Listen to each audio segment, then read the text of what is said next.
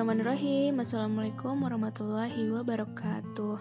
Nah, ketemu lagi ya Di podcast Ruang Dengar. Kali ini kita mau eh, sharing-sharing uh, Dari pertanyaan yang udah kita buka di story IG gitu. Jadi tadi aku udah nanya nih ke teman-teman Boleh tanya apa aja, nanti bakal dijawab di ruang dengar podcast. Nah, tapi yang kita pilih hari ini pertanyaan itu lima pertanyaan yang teratas. Untuk pertanyaan-pertanyaan lain yang belum dibahas itu insya Allah akan kita jawab di next podcast. Kenapa kita pilih lima aja? Karena takut kepanjangan gitu. Takutnya keburu kalian udah tidur gitu ya mendengar podcast kita. Nah, sekarang kita bahasnya bareng-bareng nih sama Mbak Dwi. Mana Mbak Dwi? Ayo gabung Hai. sini. Hai ya. Jadi uh, tadi sih sebenarnya tadi banget kitanya kita berdua lagi bikin kayak buka open question gitu ya, open question gitu. Terus kita janji bakal ngejawab di podcast. Cuma uh, sekali lagi karena biar nggak kepanjangan ya sis ya. Jadi kita cuma ambil lima teratas aja dan cari pertanyaan yang seru gitu ya untuk kita bahas. Mau dari mana dulu nih? Dari yang nomor satu, kita rahasiakan ya siapa yang nanyanya. Takutnya nanti uh, dia tidak ingin dipublish gitu. Betul, kan nggak semua orang ingin dipublish gitu ya. Hmm, Jadi benar. Oke, okay. yang pertama pertanyaannya. Kamu aja dulu yang bacain. Terus nanti aku yang ngejawab itu kamu yang ngejawab. Terus habis itu nanti yang pertanyaan kedua akunya dulu. Oke. Okay. uh -uh. tapi terus pertanyaan pertama tuh agak lucu gitu loh. Emang gimana nih lucu. jadi dia nanya berapa lama sih kamu kuat untuk nggak ngemol ya ampun. Gimana kalau kita awalin sebelum jawabin itu istighfar dulu sis? Astagfirullahaladzim siapa dulu? Aku ya? Okay. ayo ketahuan deh. Berapa lama kuat nggak ngemol sebenarnya uh, ngemol itu kayak kalau misal butuh belanja bulanan sebenarnya. Hmm. terus yang kedua kalau misal lagi meeting. Hmm. nah meeting sama teman-teman gitu. Maksudnya uh, ini meeting buat lembaga ya. Jadi kita biasanya eh sekalian yuk nge mall eh ada skincare. Astagfirullahaladzim. Eh ada diskon gitu. Tapi tapi seringnya kita tuh kayak ngeliat-ngeliat aja sih kayak window shopping aja gitu loh. Terus kalau mau pengen beli ya beli. Kalau enggak enggak. Kayak kalau kita lagi suntuk aja sih Oke, Hah, lagi suntuk? Eh, astagfirullahaladzim. Eh, kalau lagi suntuk harusnya ngapain? Suntuk harusnya ngaji. Masya Allah. Astagfirullahaladzim. Istighfar dulu ya gitu. Mm -mm. Biasanya sih memang kalau perempuan ya kalau lagi suntuk gitu ngelihat yang bling-bling ke mall meskipun cuma jalan-jalan aja tuh happy ya happy, bawaannya bisa-bisanya seperti itu. Aduh gitu. Aku okay. kurang lebih sama ya jawabannya sama Mbak Dwi karena memang kita teman sepermainan. Iya teman sepermainan. Terus gitu juga sih, suka meeting bareng dan hadirnya podcast ini juga dari kita sering main ya gitu. Jadi sambil ya daripada kita tidak berfaedah jadi kita bikin podcast aja. Uh, malah sebenarnya karena perjalanan ke mall kan kita seringnya naik angkot ya. Uh-huh. naik angkot bareng. Terus sekarang kita bertiga sama Teh Vivi ya harusnya tapi hari ini nggak gabung karena beliaunya lagi pergi. Terus kayak yang kita bertiga tuh suka ngobrolin hal yang apa ya bisa jadi rumpi berfaedah lah kita bertiga ketika kita lagi nge-mall bareng. Nah dari sana ya muncullah podcast ini ya. Paling tidak hal-hal yang menurut kita itu berfaedah dan perlulah untuk teman-teman uh, apa ya sama-sama kita belajar gitu ya kita sharing bareng sehingga di sanalah muncul ada ide ruang dengar ini. Jadi ini pun juga berawal dari ngemol bareng sih sebenarnya Iya ya, sih benar jadi nggak selamanya itu negatif ya hmm. ngemolnya jadi ada hal-hal positif yang bisa kita ambil hmm. terus sekarang juga kita bisa ikut ke acara ngemol yang ada uh, positifnya itu dengan hadir di hijab fest ya. Jadi oh, kemarin iya kita hadir di hijab fest itu jadi ada kajiannya juga. Meskipun itu pasar gitu ya, pasar hijab tapi tetap tetap ada kajiannya untuk mempersatukan orang-orang yang uh, satu ini gitu, satu frekuensi iya, gitu. benar. Kalau Dwi juga sih sebenarnya um, ini sih karena emang kebutuhan untuk terus tahu fashion ya, hmm. karena kan lagi ngembangin DNH Gallery juga dan di sana aku biasanya emang uh, inspirasi itu dari uh, dari mall pastinya. Karena kan harus tahu outlet ya sama fashion terbaru gitu sih dari dari apa namanya mall-mall gitu. Hmm, jadi kita memang harus tetap update gitu ya cuman emang jangan terlalu lama jangan terlalu sering juga ngomong ya please ya itu not uh, di bold ya jadi di jangan bold. terlalu sering. Uh, uh, jangan lebih sering daripada kekajian.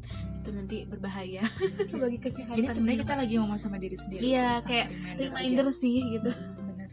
Benar. Oke okay, okay. next ya. Yang kedua aku yang bacain. Oke, okay. wah ini berat nih. Sebenarnya nyambung banget sih sama yang obrolan pertama tentang seberapa sering atau seberapa lama kita kuat nggak ngemol gitu. Nah yang kedua ini adalah lebih ke gimana sih uh, sister biar kita nggak futur atau uh, gimana caranya untuk menghadapi futur. Jadi futur tuh titik di mana kita benar-benar kayak uh, apa ya ibadah kita tuh jadi low terus jadi nggak semangat hmm. terus juga kitanya jadi kekajian jarang terus kita sholatnya juga suka akhir-akhir waktu. Terus sama kayak biasanya tuh futur juga. Males ngapa-ngapain nah, mager gitu lah dan sebagainya itu sih. Nah itu gimana tuh? Dari Tayu dulu deh. Ya Allah. Sebenarnya ya kalau kita uh, kita sadar dulu ya kalau manusia itu pasti bakal ada futurnya gitu. Hmm, Jadi ketika kita futur itu ya jangan mm, kayak menyalahkan diri sendiri gitu loh. Jangan kayak aduh aku ini banget sih gitu kok yang lain uh, yang lain kok bisa itu banget ya kok aku futur gitu. Tapi emang semua orang tuh pernah futur gitu. Mungkin pas kita lihat orang lain pas nggak futur itu kita nggak lihat aja gitu sebenarnya semua orang tuh pasti pernah ngerasain terus karena emang sulit ya futur itu tuh pernah uh, saya pernah dengar dari guru ngaji gitu ya kalau futur itu cuma bisa diobatin tuh dengan ibadah. Nah namanya lagi futur ya kan? Emang males ngapa-ngapain hmm. gimana ya mau ibadahnya juga? gitu. Terus aku mikir ya mungkin uh, kalau aku sih caranya itu yang paling mudahnya itu mungkin dengan istighfar dulu lah. Yang paling bisa kita lakuin itu kan sambil tiduran juga bisa ya hmm, istighfar gitu. Tapi yang benar-benar kita dalemin gitu istighfarnya yang benar-benar ingat dosa kita gitu. Terus uh, dari situ tuh kita bisa mulai merefresh hati gitu loh. Karena kan uh, kalau hati kita tuh udah di refresh lagi itu bakalan lebih gampang buat gerak bergerak untuk kebaikan. Seperti itu sih mulainya kalau dari saya sendiri. Kalau Mbak Dwi gimana? Kalau lagi futur? Hmm, kalau lagi futur aku suka nemuin itu sih kayak teman-teman yang emang ngejaga banget amalnya. Kayak gini sih misalkan ini uh, misalkan Dwi futur Teh Ayu enggak.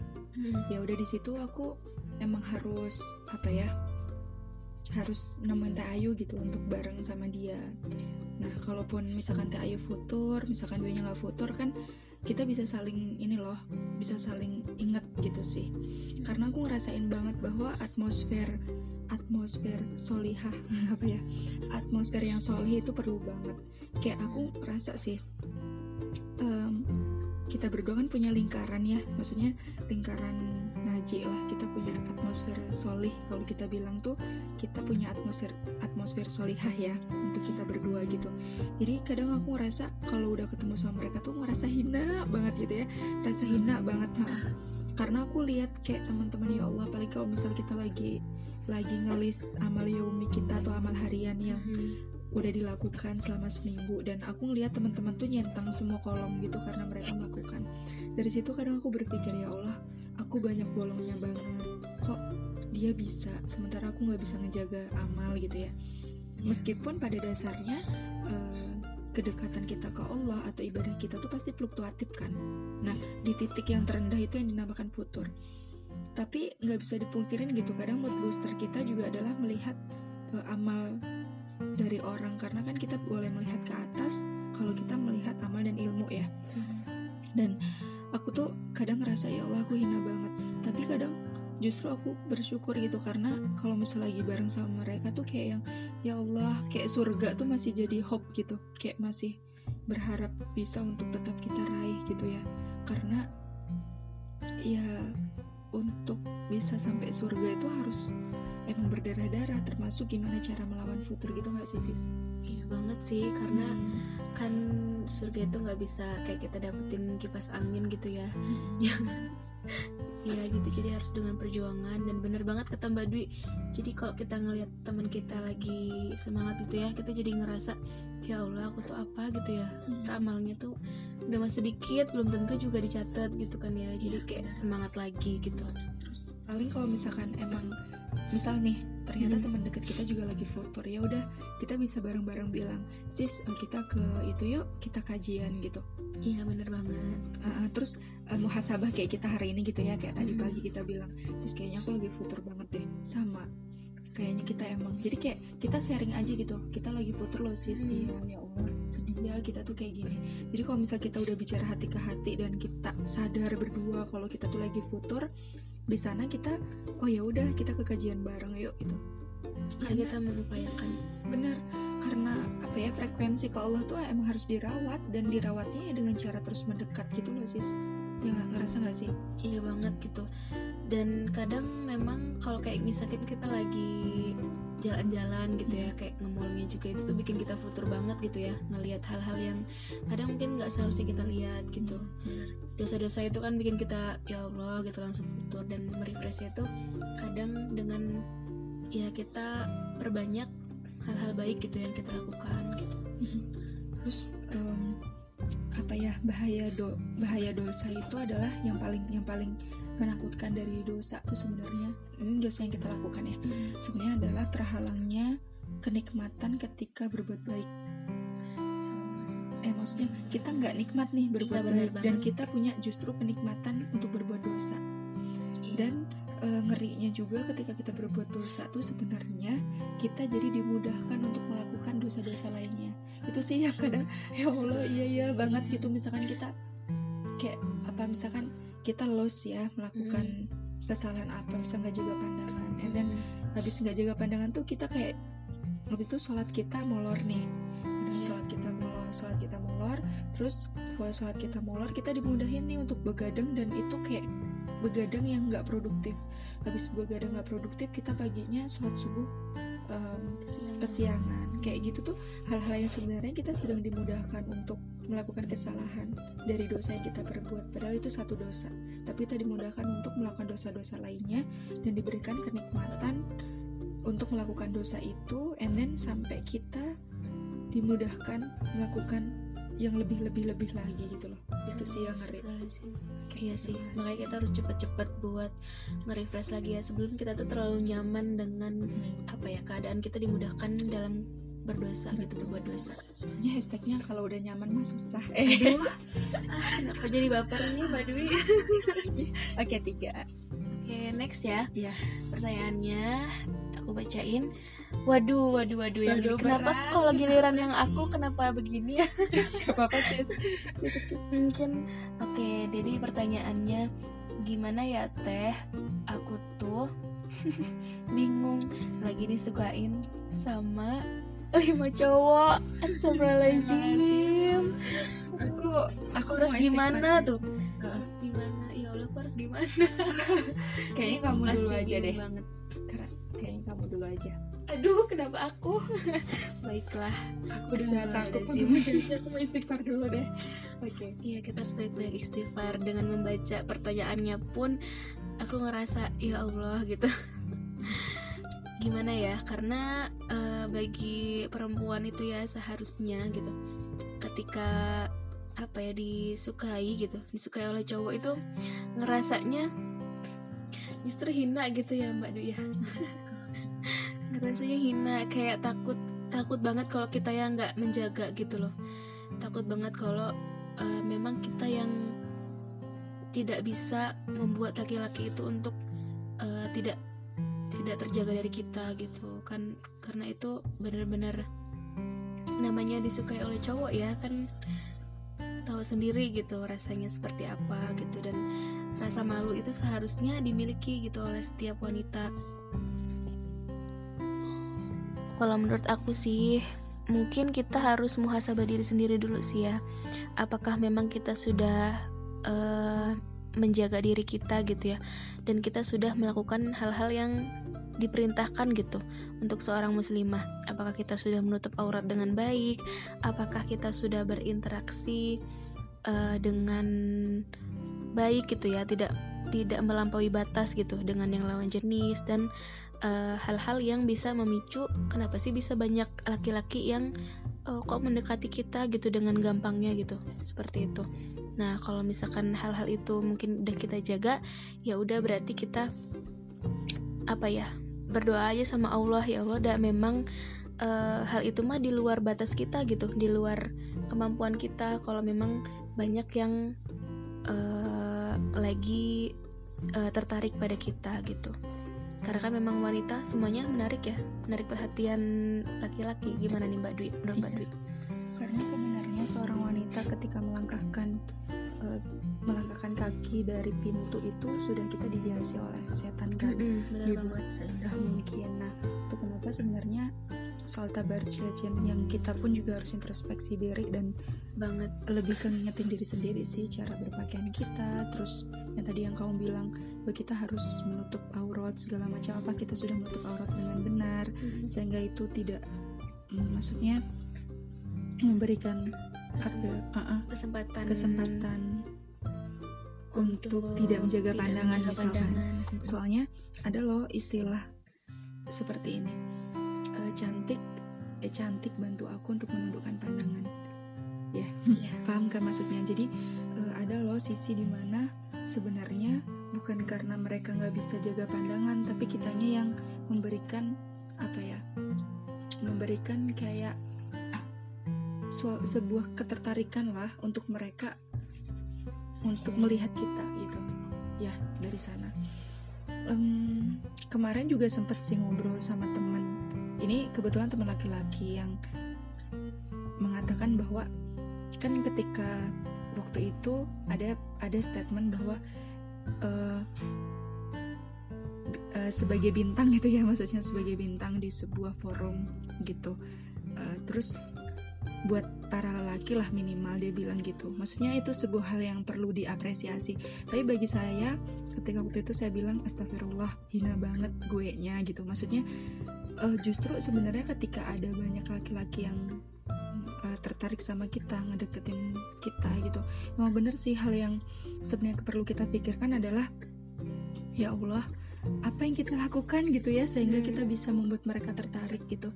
Apakah karena mungkin kita pembicaraan kita yang kurang menjaga gitu?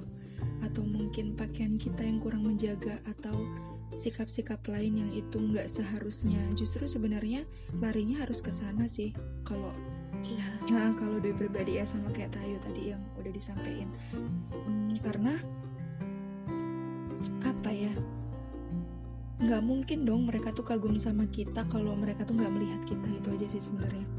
Lalu bukan sebuah kebanggaan loh untuk diperhatikan segitunya nggak tahu sih aku rasanya gitu kayak aku takut gitu sih.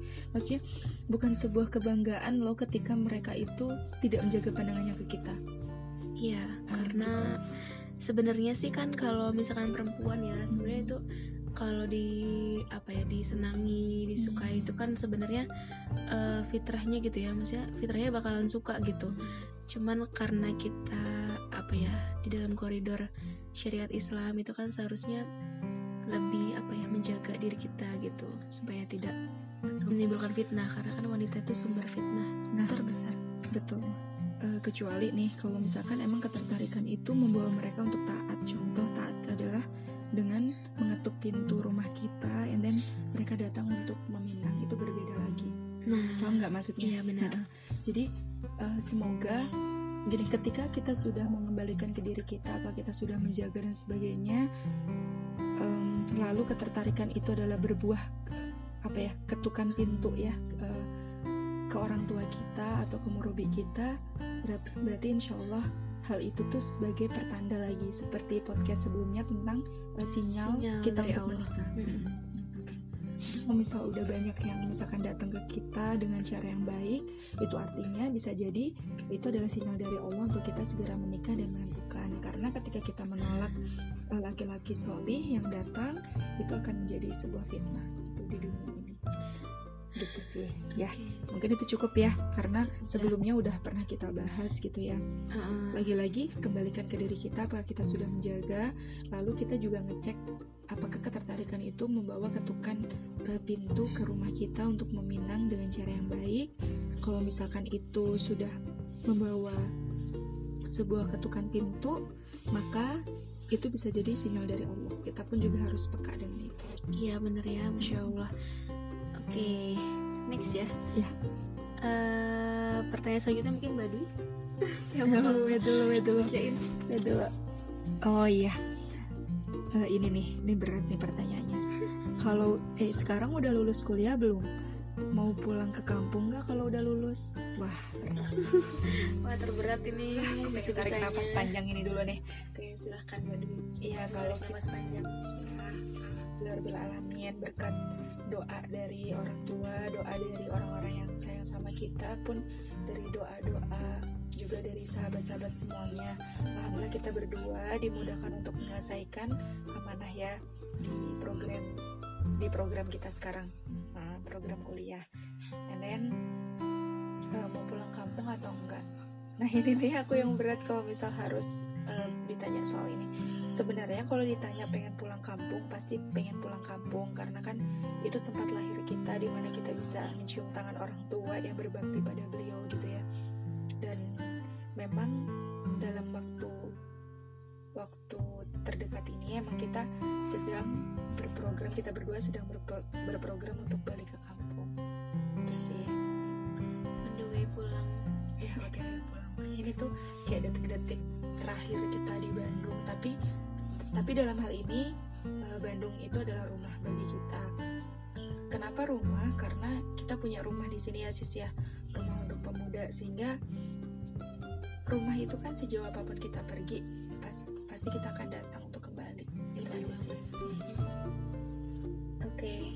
aku sama ya kayak mbak Dwi tadi jawabannya sama banget kita alhamdulillah udah lulus dan insya Allah akan mengabdi pada kampung halaman. Amin ya Allah. Amin ya Rabbal Alamin. Semoga Allah mudahkan. Okay. Terus yang terakhir, yang terakhir, ini agak berat sih.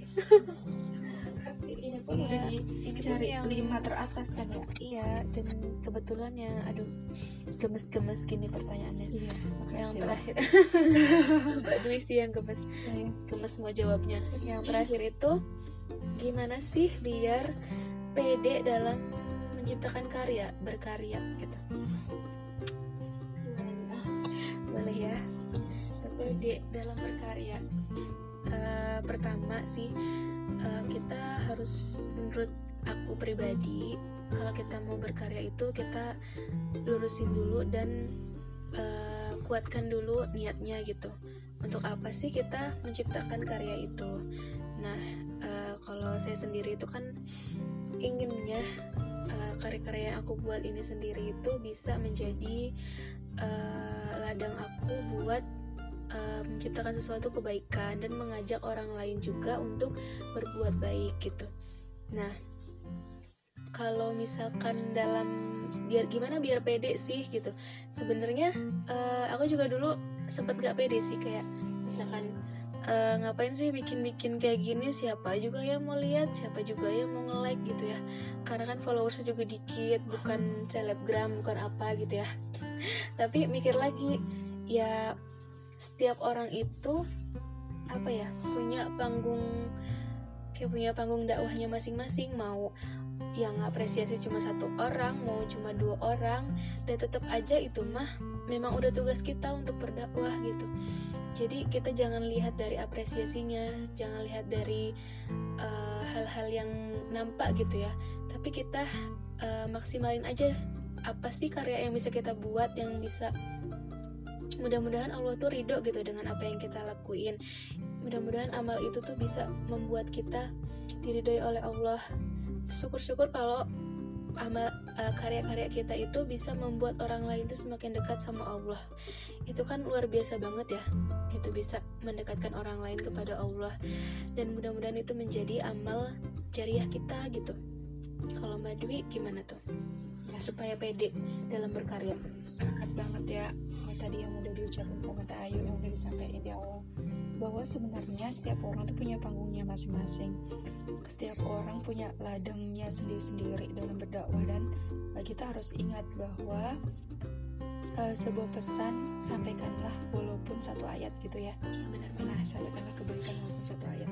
Jadi di sana tuh sebenarnya tersimpan sebuah makna kebaikan macam apa pun itu selalu kebaikan macam apa pun itu perlu untuk selalu disampaikan. Dan dengan cara sesuai dengan apa yang kita bisa. Contoh kalau misalkan kita merasa diri kita suka di belakang layar uh, dalam hal ini tuh melakukan dalam sembunyi-sembunyi dan itu lebih nyaman buat kalian ya it's okay gitu. Nah tapi kalau misalkan kita emang bisanya adalah menulis ya sampaikanlah dengan cara menulis. Kalau misalkan kalian tuh nyamannya jadi gini loh kayak sesuai potensi aja sama sesuai dengan kapasitas diri. Kalau emang kalian nyaman untuk apa ya untuk tampil di depan ya it's okay kalian tampil di depan gitu. Karena setiap orang kan punya panggungnya masing-masing dan uh, satu hal sih dalam berkarya biar kita pede ya kita mencintai diri kita apa adanya. Kita menerima diri kita bahwa kita uh, menyampaikan kebaikan ini dengan cara ini. Ya udah gitu kita melakukannya benar-benar pure untuk Allah gitu ya. Sehingga kita nggak berpikir lagi. Sebenarnya nggak pede itu kan karena kita berpikir takut nggak diterima orang lain. Benar. Nah anggapan Terus, orang lain komentar. komentar orang lain takut nggak diterima takut mereka berkata A B C se- uh, misalkan takut kita kok kamu sok baik sih? Misalkan kok kamu sok bijak? Kan kita takut aja gitu ya dengan respons. netizen. Nah betul. Hujatan netizen kalau zaman sekarang takut dijulitin gitu ya. Iya benar. Padahal sebenarnya uh, setiap kita ya apa ya kalau misal kita melakukannya itu ke Allah untuk Allah gitu ya dan emang karena Allah meskipun satu orang yang apresiasi kita akan tetap melakukan kebaikan itu. Karena yang perlu kita ingat adalah ketika satu kebaikan meskipun itu satu kebaikan dengan niat yang baik niat yang tulus tanpa apresiasi orang lain dan satu kebaikan itu bisa sampai ke hati orang lain lalu merubah hal itu merubah hidup orang itu misalkan atau dengan dengan kalimat yang kamu tulis itu bisa menyelamatkan hari dia misalkan hari dia atau hidup dia insya Allah itu juga akan menjadi amal jariah gitu selama hidupnya.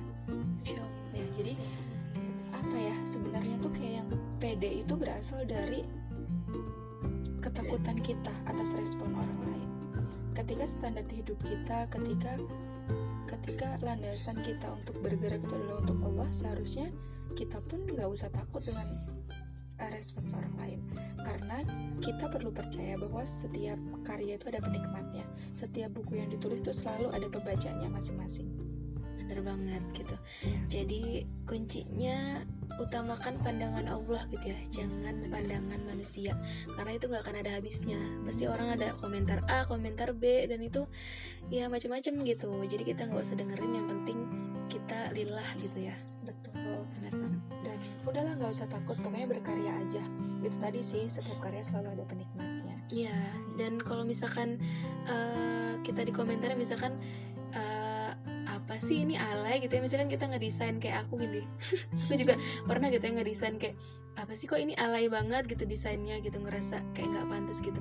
Nanti juga kita bakal uh, by time gitu ya belajar gitu. Nah yang penting kita bikin aja dulu gitu pede aja dulu. Nanti uh, berjalannya waktu kita juga bakal berkembang gitu dari apa yang kita buat dan tidak semua kritikan atau masukan dari teman-teman itu tidak semua kritikan itu buruk tergantung bagaimana kita bersikap. Contohnya ya Teh Ayu. Teh Ayu kan dari awal pengennya berdakwah adalah lewat visual ya sis ya. Visual digital gitu ya. Jadi emang dia pengen bikin desain and then dia di balik layar. Oke kalau misalkan itu yang uh, Teh Ayu mau gitu. Dan uh, desain desainnya Teh Ayu juga terus berkembang kan. Dalam arti Teh Ayu juga pernah kan menelan sebuah kritik untuk membangun gitu.